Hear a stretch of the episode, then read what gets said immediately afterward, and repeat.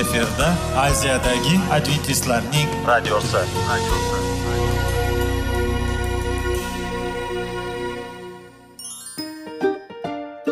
assalomu alaykum aziz radio tinglovchilar sog'liq daqiqasi rubrikasiga xush kelibsiz.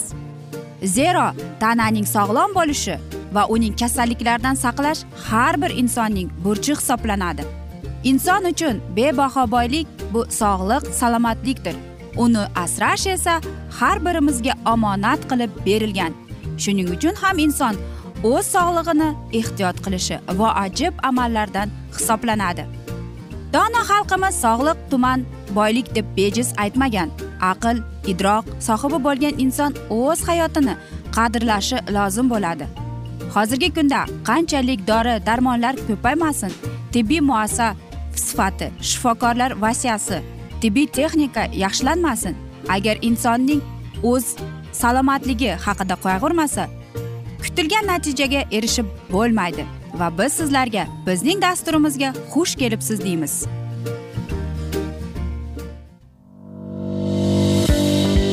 Sog'liq daqiqasi soliqning kaliti qiziqarli ma'lumotlar faktlar. Har kuni siz uchun foydali maslahatlar. Sog'liq daqiqasi rubrikasi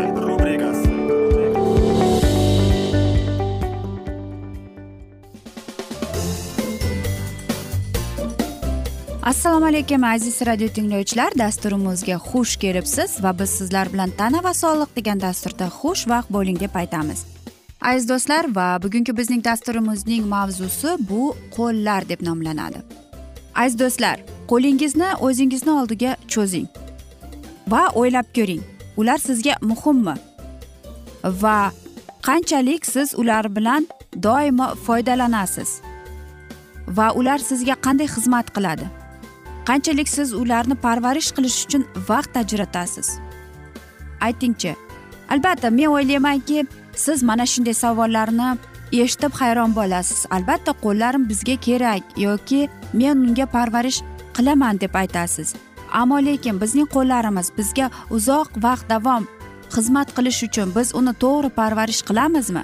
Va bugungi dasturimizda biz albatta mana shunday e, mavzuni ko'tarmoqchi bo'ldik. Mana shu mavzu E, dasturlarimizda biz sizlar bilan ularni qanday to'g'ri parvarishlash kerak? Ularni umuman qaraganda qanday qilib ularni ehtiyot qilishimiz kerak? Albatta qarangki olimlarning aytishicha qo'llarimiz bizga uzoq vaqt e, bizga xizmat qilish uchun biz ularni e, ko'p ishlatmasligimiz kerak ekan. Ya'ni ishda ya'ni fiziologik yoki masalan og'ir ish va yuk ko'tarmasligimiz kerak ekan.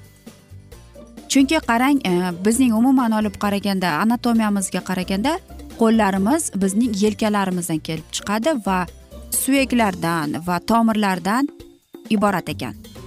Va bizning qo'llarimiz bizga qo'llarimizni sog'lom va bizga uzoq yillar davomida xizmat qilish uchun biz ularni albatta ortiqcha ish bilan yuklamasligimiz kerak. Albatta biz qo'llarimiz bilan ishlaganimizda yoki sport bilan shug'ullanganimizda ularni ishlatamiz ular bizga xizmat qiladi. E, va qarangki ko'plab narsalarni biz e, bilmaymiz ekan masalan biz aytaylik hayotimizga yoki qo'llarimizga xavf solayotgan ishni ehtiyotkorona bajarishimiz kerak ekan. Masalan siz ko'p ishlab yoki ko'p yozsangiz yoki aytaylik siz boshqa chevar yoki masalan kompyuterda ishlasangiz bir soat ishladingiz bir soat dam berishingiz kerak ekan. Faqatgina Э, shunday shunda qo'llaringiz sizga uzoq yillar davomida xizmat qiladi. Va albatta siz aytasiz qanday bo'lishi mumkin deb. Ayniqsa bizni qo'llarimiz qishda yoki kuzda parvarishga muhtoj bo'ladi. Kuz va qish bizning qo'l terimizning parvarishi uchun eng asosiy oziqlantiruvchi yoki terini yumshatib himoyalovchi kremlar ham tavsiya etiladi albatta. Yo aytaylik e, ba'zi bir ayollarimiz qo'limizni yoshroq bo'lib ko'rinishiga ko'plab kremlarni e, ishlatadi. Va biz bugun sizlar bilan qanday qilib deysizmi? Qarangki kremlarning e, yog'ida yoki mayda yoriqlar yoki paydo bo'lib qolgan bo'lsa mana shularning qavatning ko'chishi sizni bezovta qilsa e, albatta krem tarkibida avokado kakao aloe jajaba kabi o'simliklar moyini jamlaganligida diqqat bilan ularni ishlatishimiz kerak ekan. Ular terining me'yoriy qavatning tiklab yengil yalliqlanishlarni bartaraf etadi. Albatta siz aytasiz balkim shunday bo'ladi deb. Lekin siz bilarmidingiz bir ikki mashq borki qo'llaringizni to'g'ri ishlatishga. Qarang qo'lingizni kaftingizni yana ochib yoping yoki aytaylik qo'lingizni e, musht qilib turib uni aylantirishga harakat qilib ko'ring yoki shunday qilingki yelkadan qo'lingizgador uni xuddi siz e, aytaylik e, aylantirayotgandek aylantirishingizga harakat qilib ko'ring. Va albatta tennis o'ynayotganingizda ham qo'lingizni ehtiyot qiling. Chunki biz tennis o'ynayotganimizda yoki bu hamma narsani qo'limiz azob chekar ekan. Bilasizmi? Tennislarning eng katta kasalligi bor bu tennisning sindromi deb nomlanadi. Ya'ni ularning qo'li ishib qoladi. Vaqt ular ko'p o'ynagan sababli ularning qo'li e, suyaklari mushaklari og'rishni boshlaydi. Va biz keyingi dasturlarda albatta mana shu kasallik haqida sizlarga batafsil ma'lumot berishga harakat qilib ko'ramiz. Va agar shunday bo'lsa sizlarda mana shu kasallikni oldini olish uchun biz sizlarga hozir bir usulni aytamiz ya'ni bir mashqni. Siz aytaylik tennis o'ynaganingizda yengil raketka tanlashga harakat qilib ko'ring. Va u sizda albatta qo'lingizda mustahkam va ixcham turishi kerak. Aziz do'stlar eng katta narsa bu albatta biz o'ynaganimizda tennis golf va hokazo narsalar yoki aytaylik biz uy remont qilayotganimizda albatta yoki ayollarimiz dazmol qilayotganda. Albatta buning hammasi sindrom tennisning sindromini olib kelishga kelar ekan. Shuning uchun ham qo'llarimizga e, yigirma daqiqadan olti marta har ikki uch kunda biz muz qo'yishimiz kerak ekan. Va hozirgi e, yigirma birinchi iqlimda yigirma birinchi asrda internet mavjuddir va albatta siz mana shunday mashqlarni qo'llaringizga ko'plab e, roliklarni topsangiz bo'ladi. Yoki aytaylik siz umuman sport bilan shug'ullanmaysiz va sizga bu narsalar umuman kerak emas. Ammo lekin kim ko'p vaqtini kompyuterda o'tkazsa yoki yozsa albatta uning qo'lini charchog'ini sezib qoladi. Aziz do'stlar o'ylaymanki bizning mana shunday dasturimiz sizga mamnun bo'ldi deb va mana shunday asnoda biz afsuski bugungi dasturimizni yakunlab qolamiz chunki bizning dasturimizga vaqt birozgina chetlatilgani sababli ammo lekin keyingi dasturlarda biz albatta sizlarni keyingi mavzuda mana shuni yana davom ettiramiz. Va sizlarda savollar tug'ilgan bo'lsa biz sizlarni salomat klub internet saytimizga taklif qilib qolamiz. Va biz sizlarga va yaqinlaringizga tinchlik totuvlik sog'lik tilab va albatta o'zingizni va yaqinlaringizni ehtiyot qiling deb sizlar bilan xayrlashib qolamiz. Omon qoling.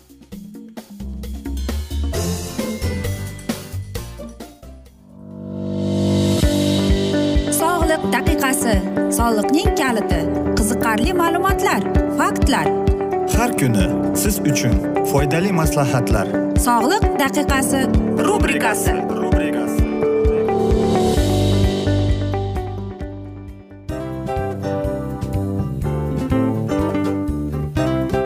Mana ha hayotda hamma narsaning yaxshi narsalar tugaydi va yakunlaydi degandek bizning dasturimizga ham yakun keldi. O'ylaymanki bizning dasturimiz sizga foydali bo'ldi deb aziz radio tinglovchimiz va siz? O'zingiz uchun kerakli xulosalar kerakli maslahatlar olib oldingiz. Aziz radio tinglovchimiz biz bilan qoling va keyingi dasturlarimiz albatta undanda qiziqroq bo'ladi. Mana shu alfozda sizlar bilan xayrlashib qolaman.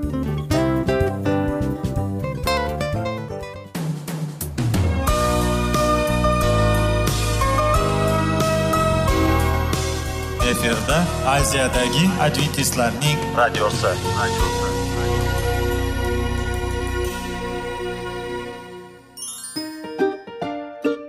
Assalomu alaykum aziz radio tinglovchilarimiz. Dil izhori dasturimizga xush kelibsiz. Pul insonni baxtli qiladimi? Albatta yo'q. Sog'liqchi albatta bo'lishi mumkindir. Lekin olimlar shuni isbotlashdiki to'liq va mukammal munosabatlar insonlarni baxtli qilar ekan.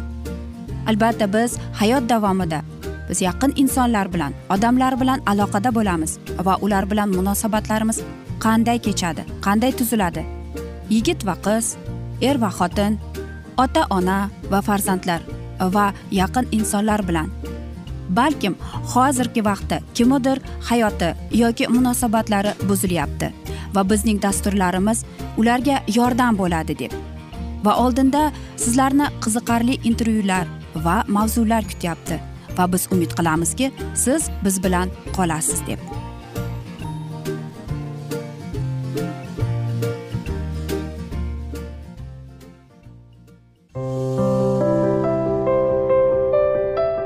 Har kuni har xil kasbdagi odamlar bilan sirlashish va bo'lishish sevgi rashq munosabat. Bularni hammasi dil izhori rubrikasida.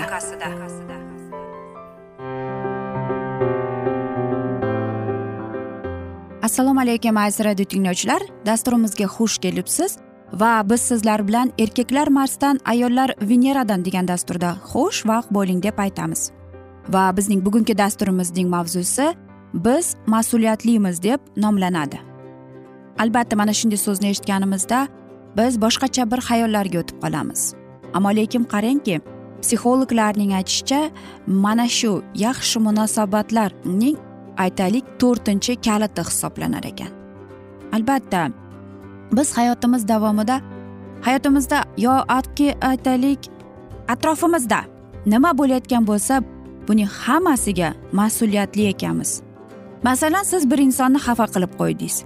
Bunga ham mas'uliyatlisiz. Ortiqcha gap gapirdingiz. Mas'uliyatlisiz.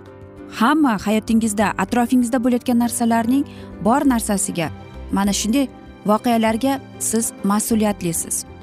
Ammo lekin masalan siz birovni xafa qilib qo'ygan bo'lsangizchi yoki sizni xafa qilishgan bo'lsachi yana bir usul bu kechirimli bo'lish. Albatta mas'uliyat bu shunday hiski buni aytishning va to'g'irlashning ta'riflab berishning aytaylik so'zi ham yo'q. Mas'uliyat o'z o'zidan keladi va inson ulg'aygan sari hamma narsaga mas'uliyatli bo'ladi. Masalan oilasiga turmush o'rtog'iga bolalariga ishlayotgan ishi uchun mas'uliyatli bo'ladi. Ammo lekin kechirimli bo'lish ham eng mas'uliyatli ish hisoblanar ekan. Albatta aytaylik bizga kechirish judayam qiyinroq bo'ladi deb aytaylik. Bu qanday sodir bo'ladi?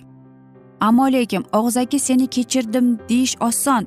Ammo lekin uni kechirib haqiqatdan ham chin ko'ngildan kechirish bu mas'uliyatli ishdir. Siz biror marta ham aytaylik xayolingizdan mana shunday so'zlar savollar berib o'tganmisiz? Men doimo hamma narsani beraveraman beraveraman lekin evaziga hech narsa olmayman deb.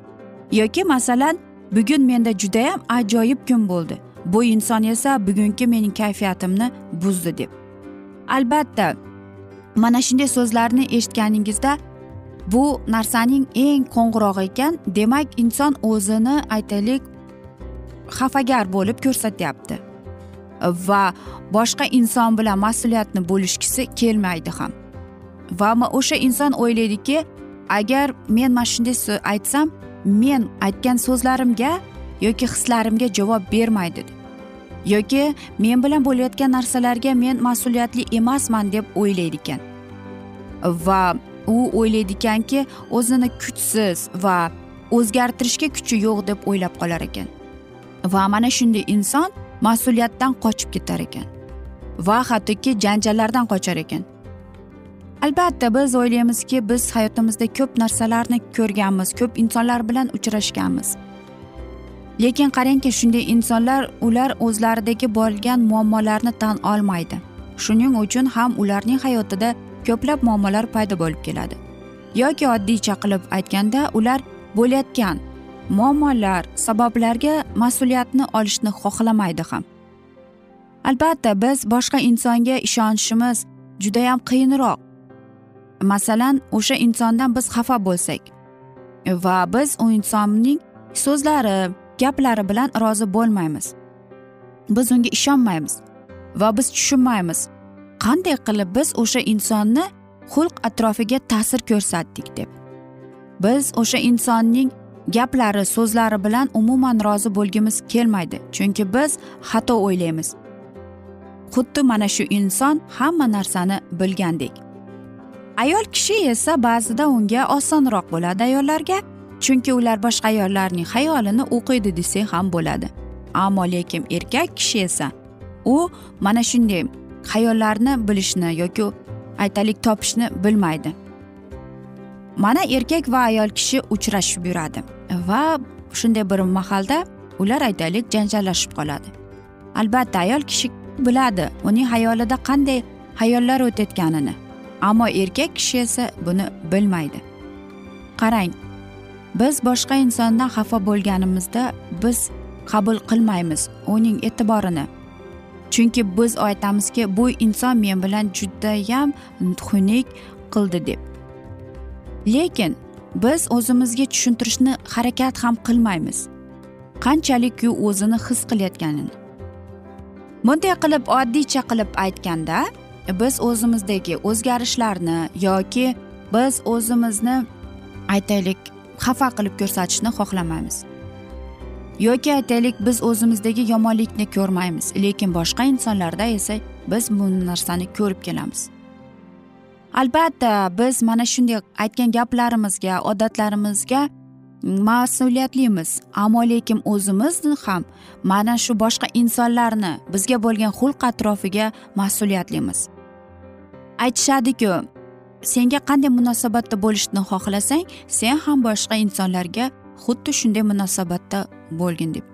Yoki aytishadi nimani eksang shuni o'rasan deb. Va mana shunday vaqtda biz o'ylanib qolamiz. Men to'g'ri qilyapmanmi deb. Erkak kishi va ayol kishining munosabatlari ham xuddi shunday. Biz do'stlarimiz bilan qanday munosabatda bo'lsak er xotinning ham munosabatlari shunday. Faqatgina biroz chuqurroq desak ham bo'ladi. Aziz do'stlar biz bugungi dasturimizni mana shu alfozda afsuski yakunlab qolamiz.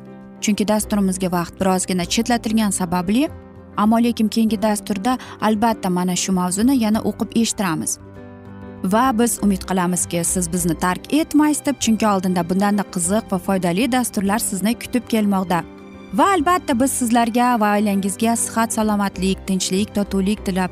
Yuzingizdan tabassum hech ham ayrimasin deb seving seviling deb xayrlashib qolamiz.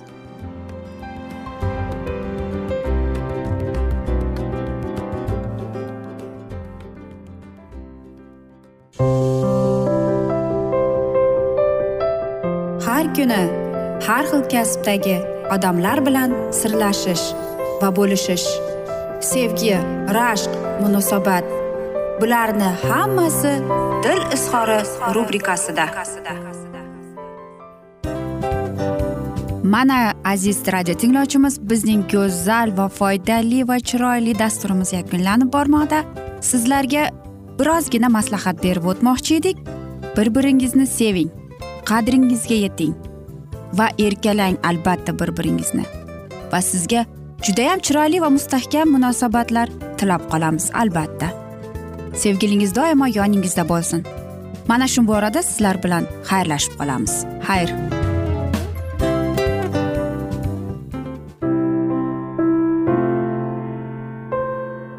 Hayotning noni. Qiziqtirgan savollar va javoblar. Buning hammasi ko'ngil uchun oziqa rubrikasida.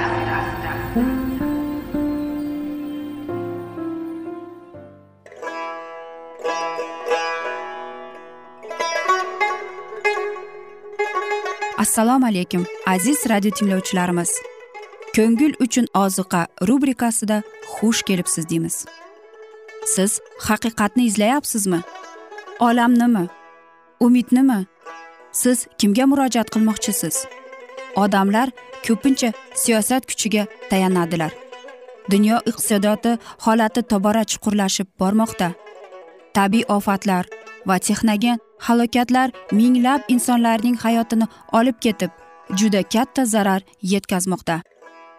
Sizga abadiy hayot inomini hadya qiluvchi va hayotingizni tubdan o'zgartiruvchi haqiqatni izlab toping.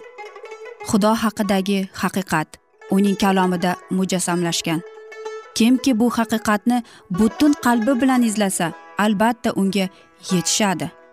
Bu sevgi xudoning tarixidir. Hayotingizda yoki sizning yon atrofingizdagi olamda nimalar yuz berishidan qat'iy nazar? Siz ertagi kunga buyuk umid va ishonch hosil qilishingiz mumkin. Hozirda xudo sizga taklif qilayotgan umid ishonchga o'z qalbingizni oching va sizni qiziqtirayotgan mavzularni savollaringizga javoblaringizni topib olasiz deb umid qilamiz. Biz bilan qoling.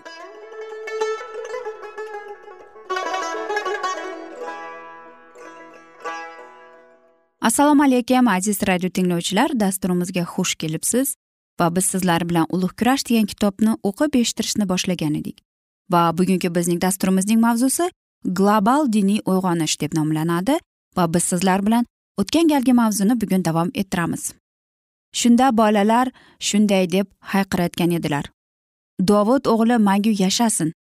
Farziylar darg'azab bo'lib isoga dedilar bular nima demoqdalar eshityapsanmi iso shunday javob qildi ha nahotki sizlar go'dak va chaqaloqlar og'zidan sen madhiya yaratding deb oyatni hech qanday o'qimagan bo'lsangiz?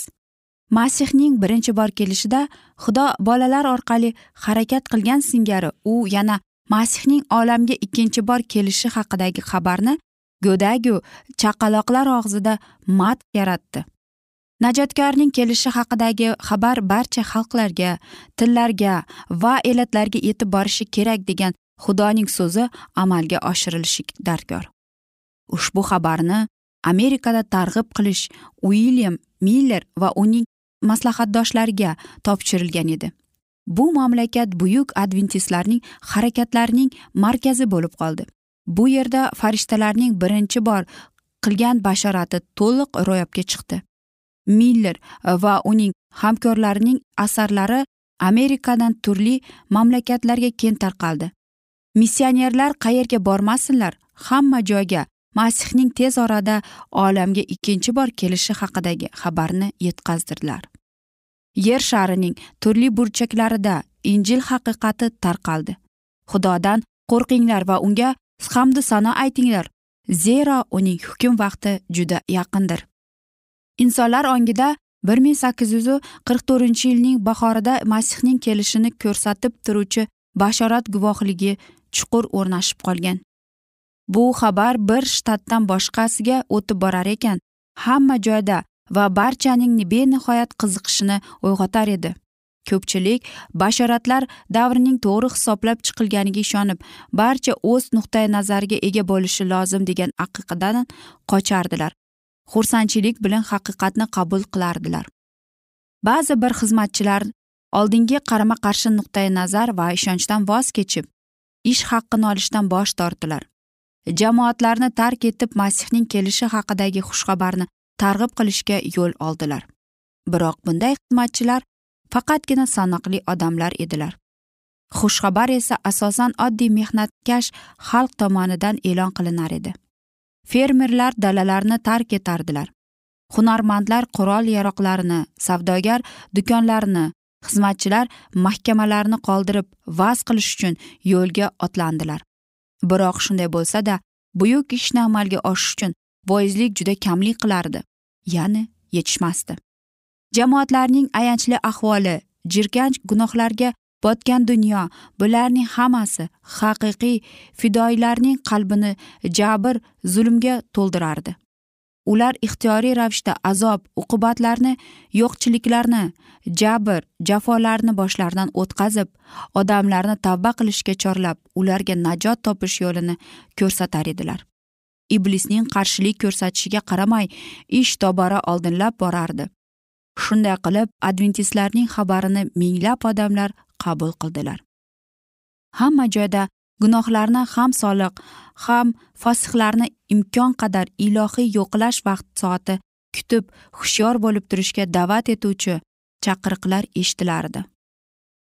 Osmon shohligi yaqinlashib qolganini yahyo payg'ambar vaz qilgan singari haqiqat harakatchilari ko'rib qolgan daraxtni tag tomiri bilan kesib tashlab hammani tavba qilishga samarali hosil yetishtirib masihning kelishini munosib ravishda kutib olishga barchani chorladilar ularning vahima va xavotirlikka to'la bo'lgan dunyoga qilgan murojaati jamoat minbarlaridan yangrayotgan tinchlantiruvchi hamda allovchi pand nasihatlarga aslo o'xshamasdan muqaddas ruh ta'siri ostida tantanali ravishda yangrayotgan bitiklarning sodda va ma'lum bir guvohlarini qat'iy suratda minglab insonlarning qalblarini shunday zabt etdiki faqatgina sanoqli gumrohlarga unga qarshi chiqishlari mumkin edi.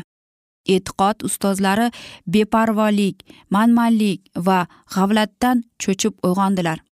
Ular o'zlarining xatolarini dunyoga bo'lgan sevganlarini ishonchsizlik takabburlik va xudbinliklarni ko'rdilar.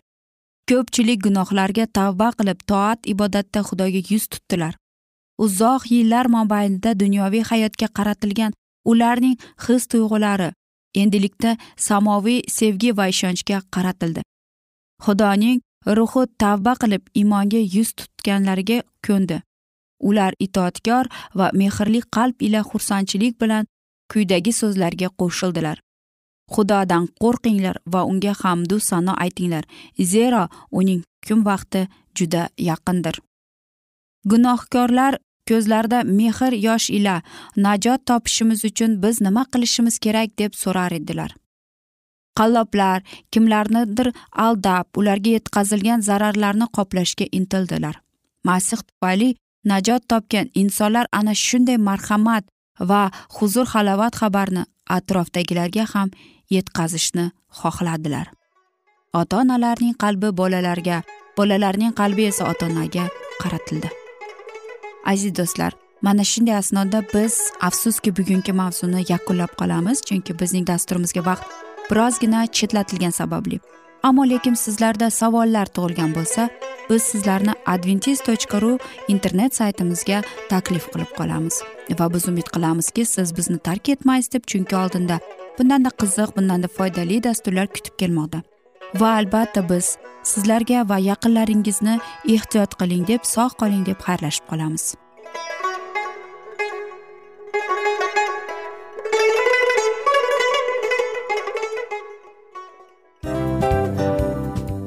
Aziz radio tinglovchimiz hamma yaxshi narsaning yakuni bo'ladi degandek bizning ham dasturlarimiz yakunlanib qolmoqda. Aziz do'stlar o'ylaymanki bizning dasturlarimiz sizlar uchun judayam foydali bo'ldi deb bizning dasturlarimizdan siz o'zingizga foydali va judayam kerakli maslahatlar oldingiz deb. Masalan sog'liq borasida biz sizlarga sog'liq tilaymiz albatta lekin bizning maslahatlarimizga ham amal qilishga unutmang. Munosabatlarga kelganda bu munosabatlar chuqur va yaxshi bo'lishi uchun uni ustidan ishlash kerak albatta. Diniy masalaga kelsak aziz do'stlar bu judayam jiddiy va chuqur nazarni talab qiladi. Ammo biz sizlar bilan xayrlashib qolmaymiz keyingi dasturlarda eshittirishimizni davom ettiramiz va sizlar bilan mana shu yaxshi kayfiyatda xayrlashib qolamiz. Va keyingi dasturlarda ko'rishguncha xayr!